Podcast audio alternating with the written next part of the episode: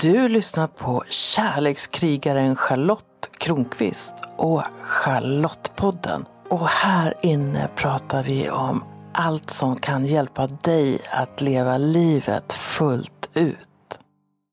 Hej, det här är Charlotte Kronqvist. Charlottepodden är här. Det var ett bra tag sedan jag kom med något poddavsnitt. Det är som att livet har kommit emellan. Men jag hoppas att jag hösten 2023 ska komma med avsnitt med jämna eller ojämna mellanrum. Men då och då i alla fall. Får se hur mycket ork jag har. Det här avsnittet spelades in redan i slutet av förra året, 2022. Så jag skäms lite för att det har dröjt så länge, men så är livet ibland. Och den person som jag träffade då är en fantastisk person som har så mycket energi och som jag blir glad bara jag ser en bild av. Och denna person är Nelly Vidén som är coach och en massa annat och hon skapar också något som hon kallar för livspirr. Nelly vill bidra med mer livspirr till dig, till mig. Och för henne så handlar livspirret av en känsla av att ha kontakt med livet och med kroppen. Alltså att känna sig mer levande. Och vi samtalar en massa om hur det är att leva och verka i det här fältet när det handlar till exempel om livspirr eller tantra och så. Och i slutet av samtalet så berättar Nelly också att hon är intresserad av att bidra till ökat ledarskap inom det här området. Så lyssna gärna. Jag bor ju i Bromma och i Bromma finns Bromma flygplats.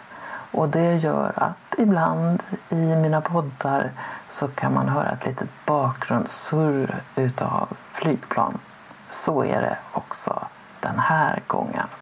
Jag sitter här med Nelly Vedén som är inspiratör och coach. Välkommen hit! Tack så jättemycket! Vi har ju känt varandra i typ tio år vid det här laget. Ja, 12, 13. Ja, kanske till och med ja. det. Och, och för mig så symboliserar du pirret i livet. Det är som, jag gick in på din Facebook idag och så tittade jag på bilderna på dig och det är liksom du ler och ler och ler. Vad är det där pirret för något? ja, pirret. Um, livspirret som jag kallar det. Ja, men det är den här känslan av att vara i kontakt. Att vara i kontakt med nuet, att vara i kontakt med kroppen, att vara i kontakt med ja, kroppen och nuet och det som är. Eh, att känna mig levande i stunden. Så. Och det kan ju vara ibland det här känslan att ibland kan det vara bara ett subtil känsla om du känner in dina händer nu så kan du kanske känna ett, liksom, ett lågfrekvenspirr som är liksom livet inom dig. Och ibland kan det ju vara så att vi, när vi mår bra och verkligen har gjort saker som vi trivs med så kan det ju vara ett mer att det bubblar, att det liksom pirrar, att det sprider sig i hela kroppen och att det eh, ja, ibland öser vi på så kan det ju till och med liksom expandera och eh, nästan kännas som att vi vill explodera också. Eh, det behöver inte vara så. Men, men att vara i kontakt med det här pirret det är någonting som jag tycker är väldigt spännande och fascinerande och eh, det är en del av livet att utforska det har det blivit för mig. Och hur kom du liksom, du leder ju retreater och du gör olika saker på temat livspirr. Eh, hur kom du i kontakt med ditt pirr och liksom vägen till att också göra någonting mer av ditt eget pirr? ja men precis. Ja, men det, var, det var då um, ett gäng år sedan, närmare bestämt 2009. Jag eh, hade allt det där som man skulle ha så att säga. Jag hade ett bra jobb, jag hade två barn, jag hade en man och ett hus och allt det där. Och så, ja, jag satt där på tunnelbanan på morgnarna och eh, tittade runt omkring mig ibland och tänkte så här, men är folk lyckliga? Jag tyckte jag såg många som såg gråa ut. Jag kände mig själv ganska grå. Eh, och så läste jag en liten annons i tidningen Metro som fanns där. Där stod det så här. Lever du din längtan? Lever du det livet du längtar efter? Och jag rev ut den där eh, lilla ja, notisen och la på mitt skrivbord och så fortsatte jag jobba. Jag jobbade som utbildningschef. Jag hade liksom en ja, karriär tyckte jag som jag var nöjd med. Men jag var, det var liksom någonstans så väckte det där en, en, något litet skav. Så jag tittade på den där annonsen och så ringde jag till min man och sa du jag ska nog på ett inspirationsföreläsning ikväll för då bjöd de in till det. Och då gick jag på det och eh, då mediterade vi och ja, bara hittade inåt, kände inåt. Och jag hade ju aldrig mediterat förut. Vad längtade efter? Jag kände att mm, jag längtar efter sova och våren. Och, och så kände jag bara djupt där inne att nej men det finns någonting det finns någonting viktigt som jag längtar efter och jag vet faktiskt inte vad det är för någonting men jag vill verkligen ta reda på vad det är som jag längtar efter. Så.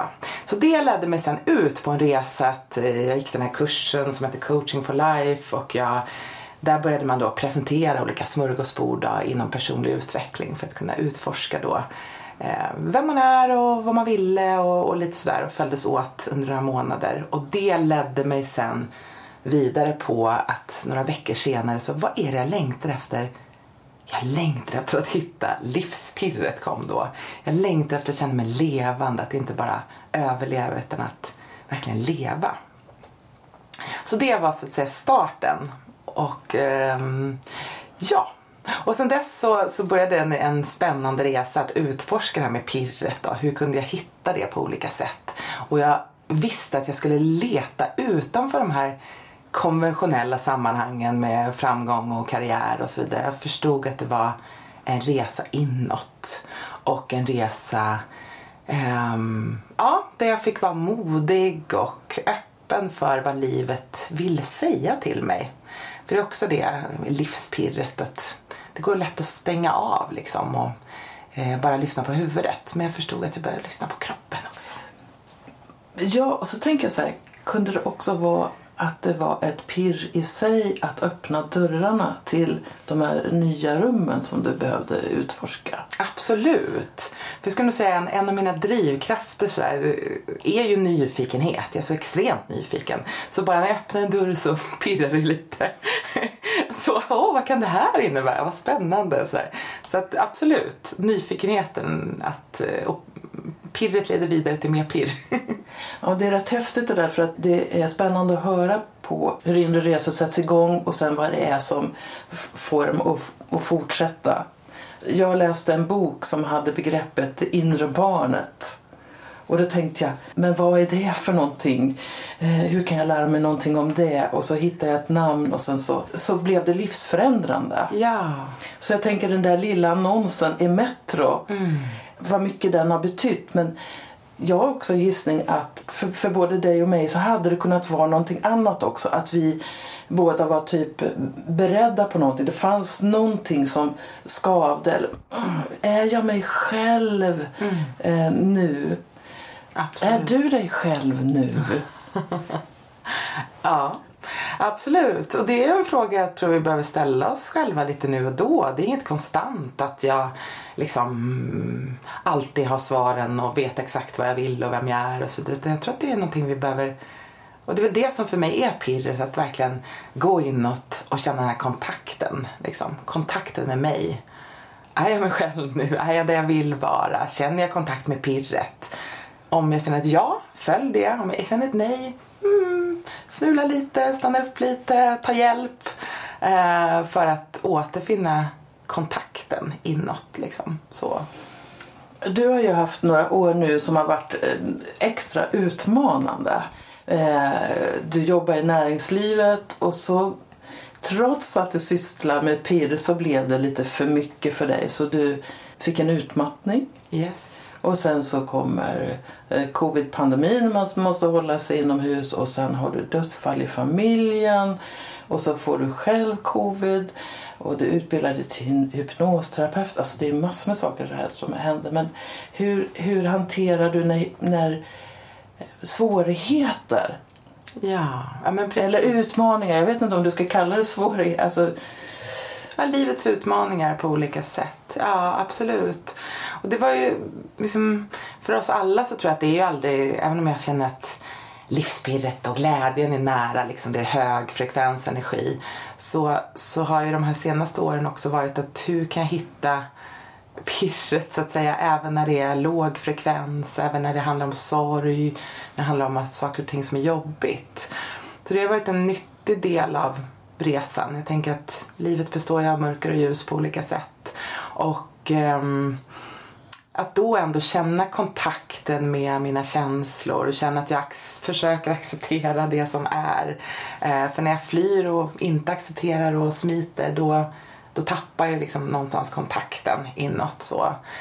Men, men jag har ju inte alltid känt såhär, åh livspirr utan ja, mer dödspirr. skrattade jag lite och sa att just varje kontakt med döden och sorgen att det har varit en, en, en djup resa men som också har gjort mig ödmjukare och mer vis på något sätt tycker jag. Och jag har också valt att skriva om det.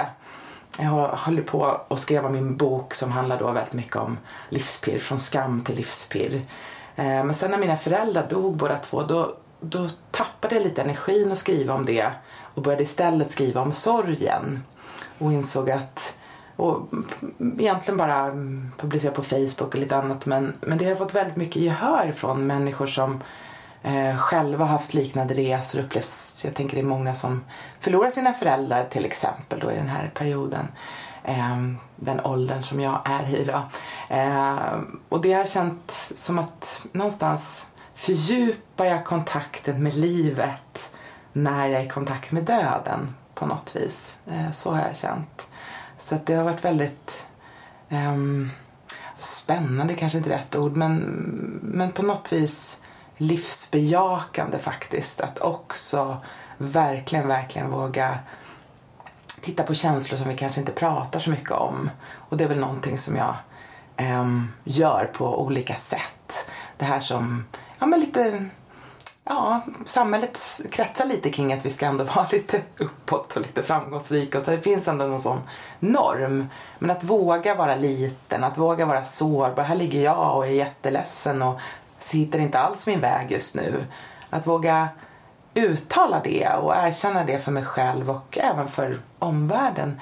Det har jag känt varit ehm, öppnat upp för att komma djupare i kontakt med mig själv men också kunnat hjälpa andra människor att öppna upp. Att det är okej att vi, vi behöver inte vara på ett visst sätt. Det är okej att vara ledsen och det är okej att känna sorg och det är okej att vara i de här mer som vi kallar ibland negativa känslorna. De behöver inte vara negativa om vi omfamnar dem och verkligen liksom, ja, det här känns också inte lika skönt, men det känns. Och där finns liksom pirret också på något vis, att våga vara i kontakt med det som är sant i stunden. Liksom. Jag har ju läst flera av dina delningar, eller vad man ska kalla det för, på Facebook och blivit eh, mycket berörd utav dem. Och, eh, och jag tror att det faktum att prata öppet är så, alltså det är som en utandning. Det är som att jag kan slappna av Ja. när, när jag läser det. Även om det är om tunga saker. Så. Och det här att förlora älskade människor och minnen som det, vär, eh, som det väcker. Och jag kommer speciellt ihåg hur, hur, du har skrivit om när ni skulle tömma huset som din mamma och pappa Ja. har bott i och känslorna som det väcker. Och jag tror någonstans att när det bara är liksom leendet som är okej och allting är bra och så och när man sopar det andra under mattan så kan det bli eh, trångt där under. Det blir som att eh, man får ägna energi åt att trycka ner det här. Då blir det inte så mycket tid för att vara i det som är nu. Det blir så mycket enklare om du säger jag är ledsen nu eller jag är utmattad nu eller jag orkar inte. Det är på något sätt mm. som att pirret kan få finnas med, tänker jag, ja. när, det, när, när, man säger ja. som det är. Absolut. Ja, men det här att vara liksom autentisk, att allt får finnas, alla känslor är välkomna. Det är inte alltid så lätt. Men för mig är det vägen. All, alla känslor är välkomna. Skammen är välkommen, kärleken är välkommen, sexlivet är välkommet, ledarskapet är välkommet. Att vi, vi är så breda, vi är så stora som människor men vi eller jag känner att jag i alla fall har liksom försökt anpassa mig på olika sätt och dolt sidor av mig själv för att de kanske inte är lika sexiga eller snygga eller bra. Och då blir det inget skönt, då blir det inget bra. Jag gick en utbildning på Orsorisk eh, som handlar om essentiella kvaliteter och den vita handlar om inre styrka och att man är som ett berg och då handlar det om att sitta still i meditation ganska länge. Och, och då så, så börjar jag ju känna så här, men gud hur länge ska vi sitta så här? Och, och då så säger ledaren så här, ja att vara uttråkad är också en del. Att sitta kvar trots att jag börjar bli uttråkad. Vad händer då? Och den svängningen så här, att vara nyfiken på, gud vad tråkigt det är. Och så blir den, alltså jag var med om flera Absolut. gånger att uttråkningen gick över i någonting annat. Mm. Att jag kunde känna så ja men här sitter jag still, här är jag en klippa. Jag behöver inte göra någonting. Det är faktiskt skönt. Absolut. Min mamma sa alltid det, man måste ha tråkigt ibland för att veta hur det känns att ha roligt. ja men också som ett exempel på en, en idag lever vi i ett samhälle där, är, där, där vi smiter så mycket från uttråkning min mamma sa också som din mamma och så sa jag till mina barn också. Men det ligger någonting i det. Att, att, att eh, om man blir tillräckligt uttråkad så börjar man ju göra någonting till, till slut utifrån det. Så att det, det är en, så här, mm. Absolut. Men det är roligare att ha roligt, det måste jag säga. Ja, absolut. absolut. Men, men att ta in det här att vi är ett helt vi är ett helt och det är allt ifrån att vi är små, små gråtande högar eller vi är arroganta eller arga eller vad sjutton nu är till det liksom himmelska eh, känslor ja. och, eh, och så. Men nu i helgen så har ju du haft en livspirsretreat Riktar du dig till både män och kvinnor eh, när du eh, gör det här eller är det här en kvinnovärld? Ja, alltså där har jag ju fnulat lite. När jag började med det här eh, 2013 faktiskt, då gjorde jag det utifrån att jag själv hade upptäckt min kraft. Liksom. Jag insåg att oj, wow vad mycket kraft jag har Eh, det här har vi ju alla, kvinnokraften, att jag fick kontakt med kroppens flöde, kroppens njutning eh, och hittade också, ja, det här med livspirr, för mig är det också att vara i kontakt med livskraften är att vara i kontakt med kanske med kreativiteten, jag hittade en kreativitet, kreativ kraft i det. Sensualiteten, mycket där. Så jag kände att mm, det här borde alla kvinnor få veta att de har så att säga. Så då vart det den feminina kraften som jag kände att det fanns ett så att säga, underskott på i samhället. Att många kvinnor och vi alla fastnar mycket i det maskulina. Så därför har jag mest gjort det för kvinnor. Det har varit mest kvinnor som har kommit till mig eh, genom åren. Så jag har haft mycket kvinnoretreats. Eh, sen på senare år är det mycket män som har kommit och sagt men varför, när ska vi få vara med då? Hallå liksom. Så att um, jag har också ordnat en hel del saker mm, där det feminina får möta det maskulina för det tycker jag är väldigt vackert. Att vi kan turas om och vara i det maskulina och det feminina för männen behöver ju också både och liksom så. Eh, och skapa hållande space för det.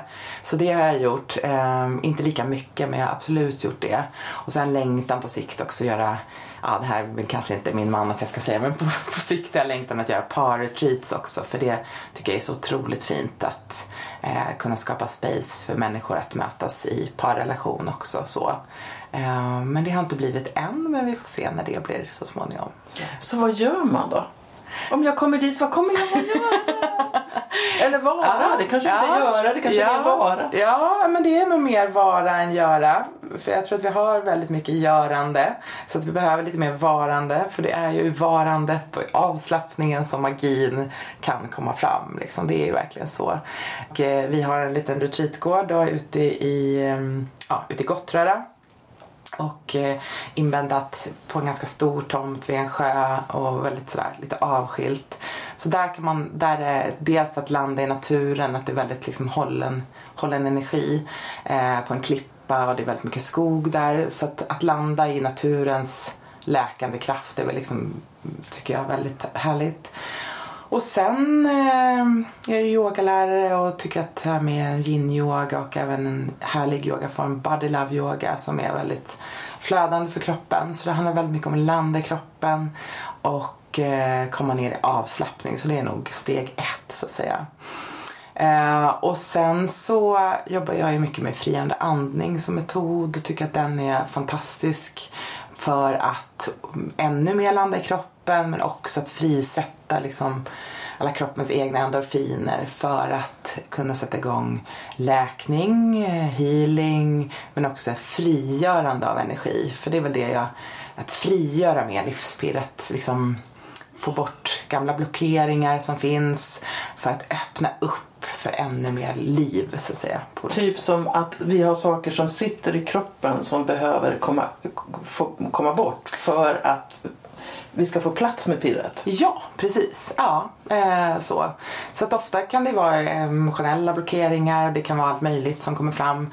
Eh, eller så blir det bara en skön avslappnande stund. Men andningen är väl som en bas som har hjälpt mig väldigt mycket att komma liksom djupare i kontakt med känslor och med det som behöver, det jag behöver få kontakt med just nu. Så det eh, gjorde vi nu i helgen också. Eh, gjorde det för två veckor sedan när jag höll rutin på en annan plats också. Då var det väldigt kraftfullt. Så det kan bli olika olika gånger. Ibland blir det väldigt mjukt och ibland blir det mer kraftfullt. Lite beroende på var man är själv liksom. Men det är ett väldigt tryggt och hållet space. För jag har varit mycket i sammanhang där man är väldigt många och där det kanske inte alltid är det här trygga, trygga spacet. Så det tycker jag är viktigt nu har du sagt eh, hållen space två gånger.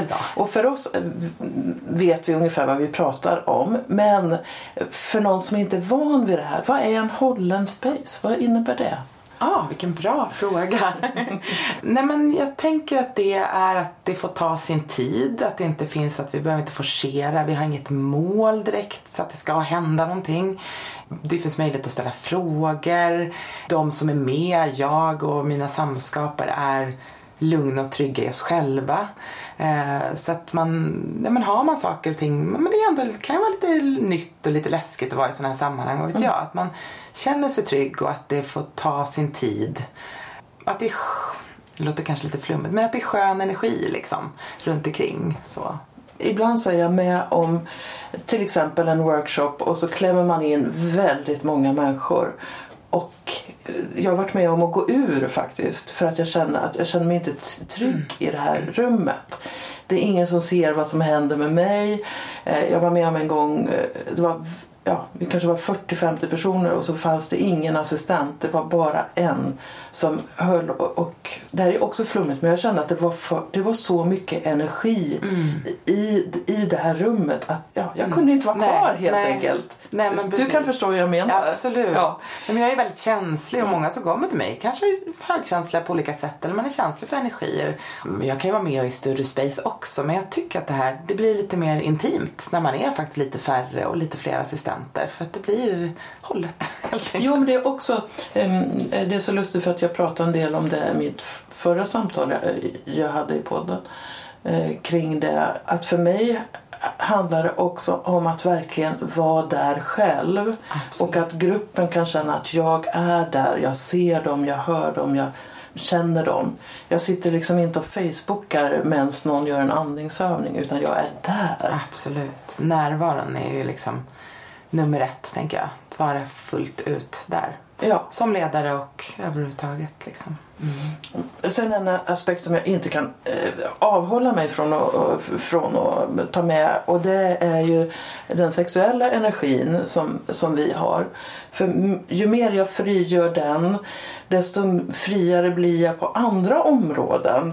Så jag tycker det är fint att jobba med den här kraften.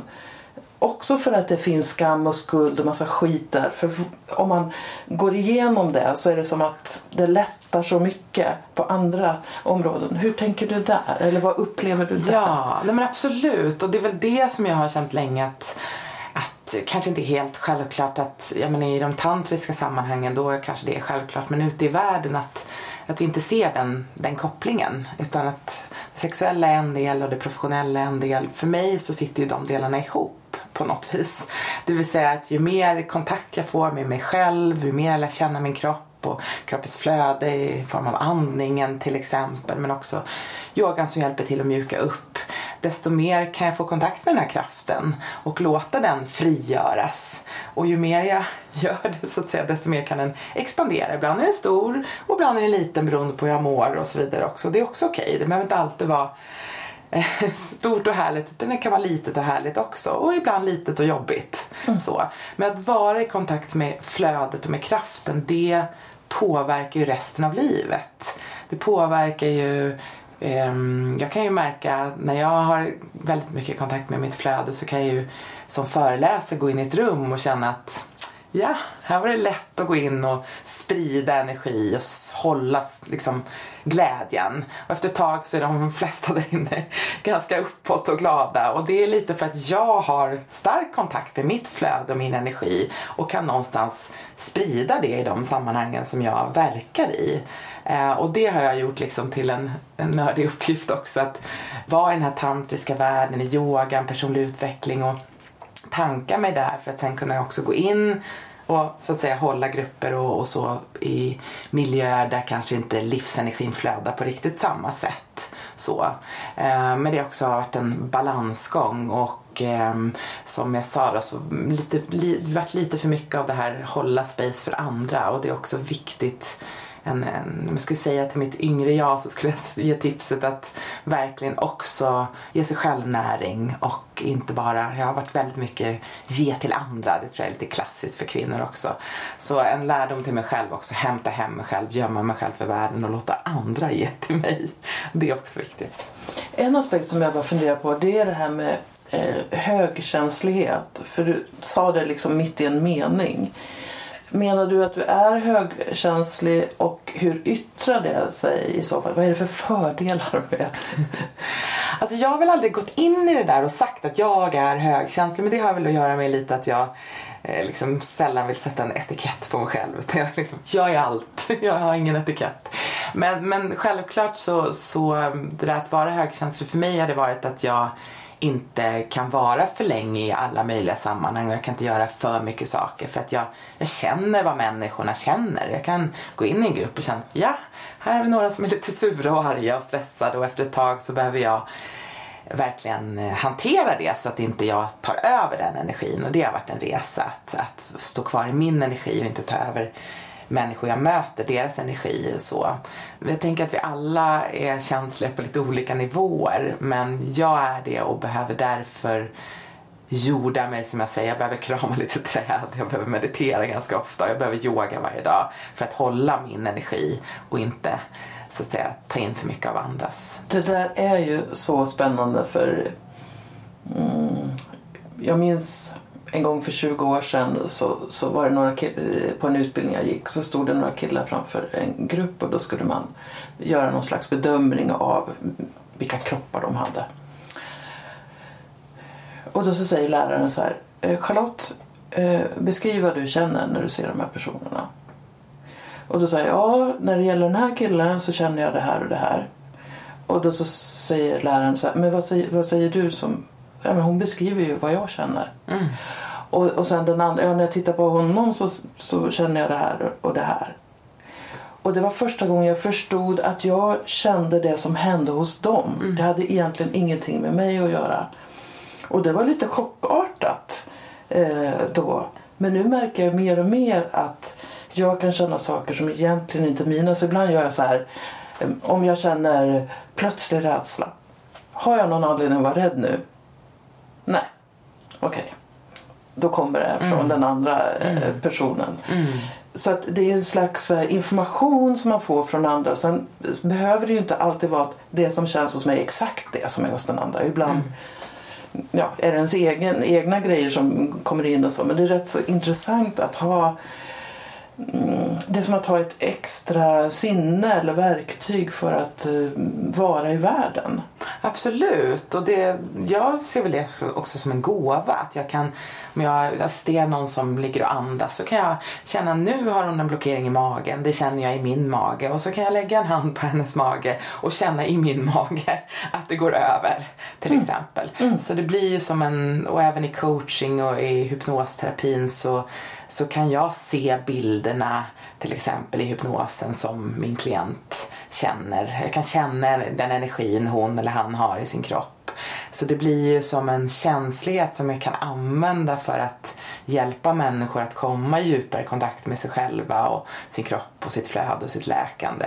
Så, så när jag började upptäcka det så blev det ju en, mer en gåva och innan var det mer sådär, åh vad jobbigt det är att ta på sig andra människors känslor. Och nu när jag har lärt mig hantera det så är det mer en, en gåva, vad vackert det är att jag kan i alla fall vara i kontakt med ungefär det du känner så att jag kan med min intuition hjälpa mig att guida dig till ja, det som intuitionen styr oss till. Att det här tycker jag är så häftigt för att eh, den resa jag har gjort det var ifrån att vara rigid, jag vet hur världen fungerar, eh, allting ska vara vetenskapligt, eh, ingen jävla flum. Alltså, sån var jag i, i 20-årsåldern till att känna de här eh, sakerna och livet är ju mycket häftigare eh, nu eh, med tillgång till det. Så jag tror att jag tror någonstans att de allra flesta har en möjlighet att komma i kontakt med de här sakerna.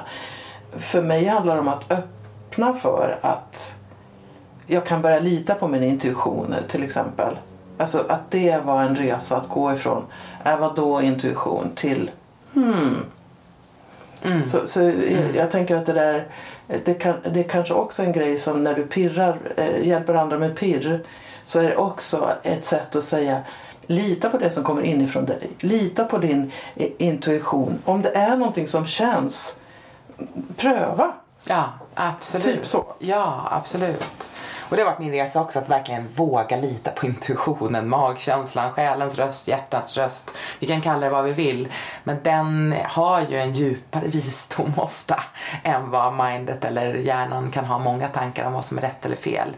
Men när jag vågar lita mer på magkänslan, intuitionen, då leder den mig oftast rätt. Och det tror jag är lik, samma för många ändå. V vad tror du det är som gör att om vi säger den, den värld som de allra flesta är i, man går till jobbet, man är med i näringslivet eller vad det är. Eh, att, att det är så långt ifrån den här, den här inre resan som många gör nu. Jag tror att det är så att det finns massor med människor som har gått på Bara Vara och alla möjliga sådana här ställen men inte berättade för andra för att eh, det finns en rädsla för att ses som flummig eller konstig eller så. Så jag mm. tror att det här ligger, att att det är många fler som tänker så här men det finns en, en rädsla vad som ska hända i ja. mötet. Ja. Eh, det tror jag med och där, och där har jag väl känt att jag liksom lite vill vara en brygga mellan jag menar, det finns ju mycket inom personlig utveckling eh, så och, och, men att via yogan till exempel och via meditation och andning så, så märker jag att jag lockar över en del personer som är lite nyfikna men som kanske inte vet riktigt vad de letar efter. Och så via yogan och avslappning så kan jag presentera lite smörgåsbord för andra saker som också finns. Så att säga. Så att jag känner mig att yogan den är ganska liksom, vedertagen så att säga. Den är inte så flummig så att säga. Så där har jag valt att presentera den också som ett, här har vi en, en en palett så att säga där du får djupare kontakt med kroppen och du stretchar och det är skönt och så vidare. Det är ganska basic så. Och sen kan man stanna där om man vill. Eller så finns det lite andra, man kan prova lite andning och då kommer man lite djupare i kontakt med sig själv och därefter så kan man, så att det kan bli som en ja, smörgåsbord eller som en liten brygga över till eh, att kunna våga utforska mer saker tänker jag jag såg som eh, ett insteg och sen så kan man ta ett steg till och sen kan man ta ett steg till. Och jag brukar ju säga att mina tantrakurser mm, är på sätt och vis ganska snälla.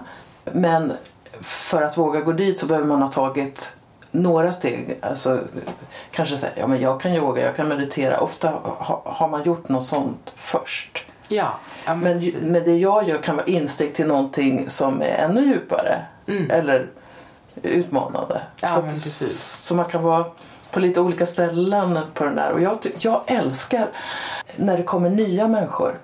Min senaste eh, parkurs, eh, tantra, partantrakurs var alla nybörjare. Och då känner jag så här, wow, nu har någonting hänt. För nu kan man gå och säga att man går på, alltså att yoga är ju ett av de vanligaste och meditation, båda de två tänker jag vanliga insteg. Det känns som att någonting håller på att hända, att det liksom öppnar sig Ja, eh, absolut. nu. absolut. Ja, men eh, då för 12 år sedan då vågade inte jag säga att jag hade varit på någon tantrakurs. Det var ju så här, "Åh, vad är det? Liksom, det sa jag inte till någon. Men nu börjar jag prata om det för att jag tycker att det är viktiga, fantastiska verktyg som jag tycker att fler borde få glädje av. Liksom. Men sen kan ju ordet tantra ibland klinga liksom, och folk vet inte riktigt vad det är. Så jag använder inte det så mycket utan jag använder liv- livsspir mer. För det, det är också lite bredare. Det behöver inte bara vara tantra, absolut inte. Utan tantra är ett verktyg för att komma i kontakt med eh, livspirret så att säga. Och, och sen finns det många fler verktyg på vägen. Sådär. Jag märker också att jag tycker att det är väldigt roligt att, att jobba med människor som har kommit vi kan både ha nybörjare, eller vad man nu ska säga, som är nyfikna i personlig utveckling, meditation, komma ner i kroppen och så vidare. Men jag kan också nu börja bli lite nyfiken på jag har varit så länge i den här branschen och känner att det är så många tantralärare som och andra liksom, inspiratörer som växer och, och att jag känner att hmm, för mig är det så otroligt viktigt att vi alla skapar trygga space så att säga och jag har varit tyvärr också en del mindre trygga och mindre hållna space under årens lopp. Det här har ju vuxit otroligt mycket det här området och det har gjort mig lite ledsen och där har jag känt att mm, det är så otroligt viktigt att vi tar varandra i hand och gör det här på ett bra sätt. Både för nybörjare och för mer erfarna. Så där, just nu har jag någon tanke om att mm, det vore roligt att Ehm, jag är ju utbildad i ledarskap i 20 år i näringslivet så nu är jag inne på att mm, skulle den ledarskaps, det här att hålla grupper och så vidare som jag är bra på, skulle jag kunna Mm, jag vet inte. Coming teachers, så att säga. Inspiratörer och ledare inom det här området. Att jag skulle kunna bidra där på något vis, håller jag på att tänka nu. Det vill säga mer erfarna personer som har jobbat personlig utveckling men som kanske ändå kan behöva lite fler verktyg för att verkligen skapa riktigt, riktigt högkvalitativa space för människor att växa i. Liksom. Så där är, det är lite nya tankar som jag har som jag håller på att utforska också. Det behövs. Ja, Det behövs verkligen. Jag, blir, alltså jag, jag får det ståpäls på att säga. Håren reser sig när du säger det här. För det här är, behövs så himla mycket. Och, och det finns ju en del som har ganska grund kunskap och som ändå lär ut. Och som kanske inte kan själva ledarskapsdelarna. De har lärt sig några ceremonier eller ritualer eller, eller så. Men hur gör jag om det här uppstår eller det här uppstår, hur kollar jag av att gruppen är med? Hur, ja, Ja. hur ska man ha flödet under en kurshelg? Ehm, Det är till exempel inte så smart att börja eller avsluta med något som skapar väldigt mycket känslor och sen så bara lämnar man människorna. Jag har varit på sådana, alltså totalt kaos. ja, ja. Så det- är mycket, alltså gör det. Ja.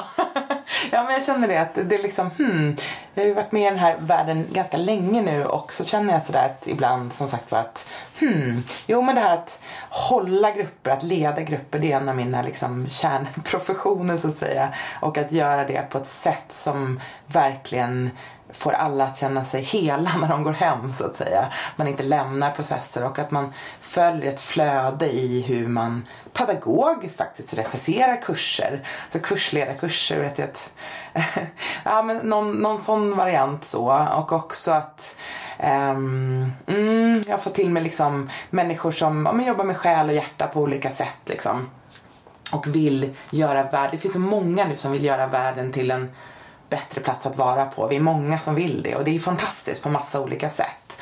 Eh, men ibland så, så är det också små öar och alla gör det på lite olika sätt och det är väl bra men jag Mm, jag vet inte, att, att hitta kraft av varandra där också tror jag är viktigt. Och lära oss av varandra så eh, i hur man kan leda, jag brukar kalla det leda världen in i själens era. Men, men det menar jag på att det har varit egos era, tankarna som ska styra och så vidare. Och, och jag tror att vi verkligen är på väg in i ett skifte successivt där det ska vara mer, eller ska, men där, där vi öppnar upp mer för hjärta och för själen och för Eh, det vi faktiskt inte bara kan ta på så att säga. Eh, där medmänsklighet blir viktigare och, och där känner jag att, att vara en ledare i den transition så att säga och att kunna hjälpa ledare att vara ledare i den transition, låt säga transition, men förändringen som vi är i. Det känns som en viktig roll som jag tror att kommer komma för mig här framöver. Så. Så att något ledarskapsprogram kommer nog komma med livsstil i fokus. Hur kan vi själva må bra och vara våra bästa förebilder samtidigt som vi håller space för andra? Eh, det tänker jag är en viktig fråga också. Så. Alltså jag, jag ser verkligen fram emot det. Och nu känns det som att eh, det, med den framtidsspaningen så känns det som att vi kan runda av det här samtalet. Tack så fantastiskt mycket för att få höra dina tankar. Jag blir sådär pirrig. Eller hur? Vad ska vi göra nu? Mm. Tack så jättemycket för att jag fick vara med. Fantastiskt härligt. Ja, jag hoppas att du känner livspirret nu när du har lyssnat på Nelly. Och du kan ju också titta vad hon har hittat på sen vi talade med varandra. Den här hösten kommer mitt liv att delvis präglas av lekfull tantra. Det blir en rad kurser och dessutom lekfulla tantrakvällar där jag i synnerhet riktar in mig till personer som har passerat 50. Jag tycker att det finns få arenor för oss och jag vet att många känner sig lite obekväma att gå på tantra och känna åh, tänk om jag är äldst. 29 september börjar lekfulla tantrakvällar i Stockholm och du hittar allt på min hemsida charlottekronqvist.org. Ta hand om dig, för det är du värd. Kom ihåg att prenumerera på Charlottepodden så att du är med när nya avsnitt kommer. För vem vet vad du kan få lära dig om livet i det avsnittet. Rekommendera gärna podden till en vän så är du med och sprider vetskap om att den här podden finns och berätta vad den ger just dig. Jag skulle bli så glad om du också går in i din podcast-app och lämnar en kommentar eller skriver en recension av podden. Ju fler som gillar podden öppet desto fler kommer också att hitta den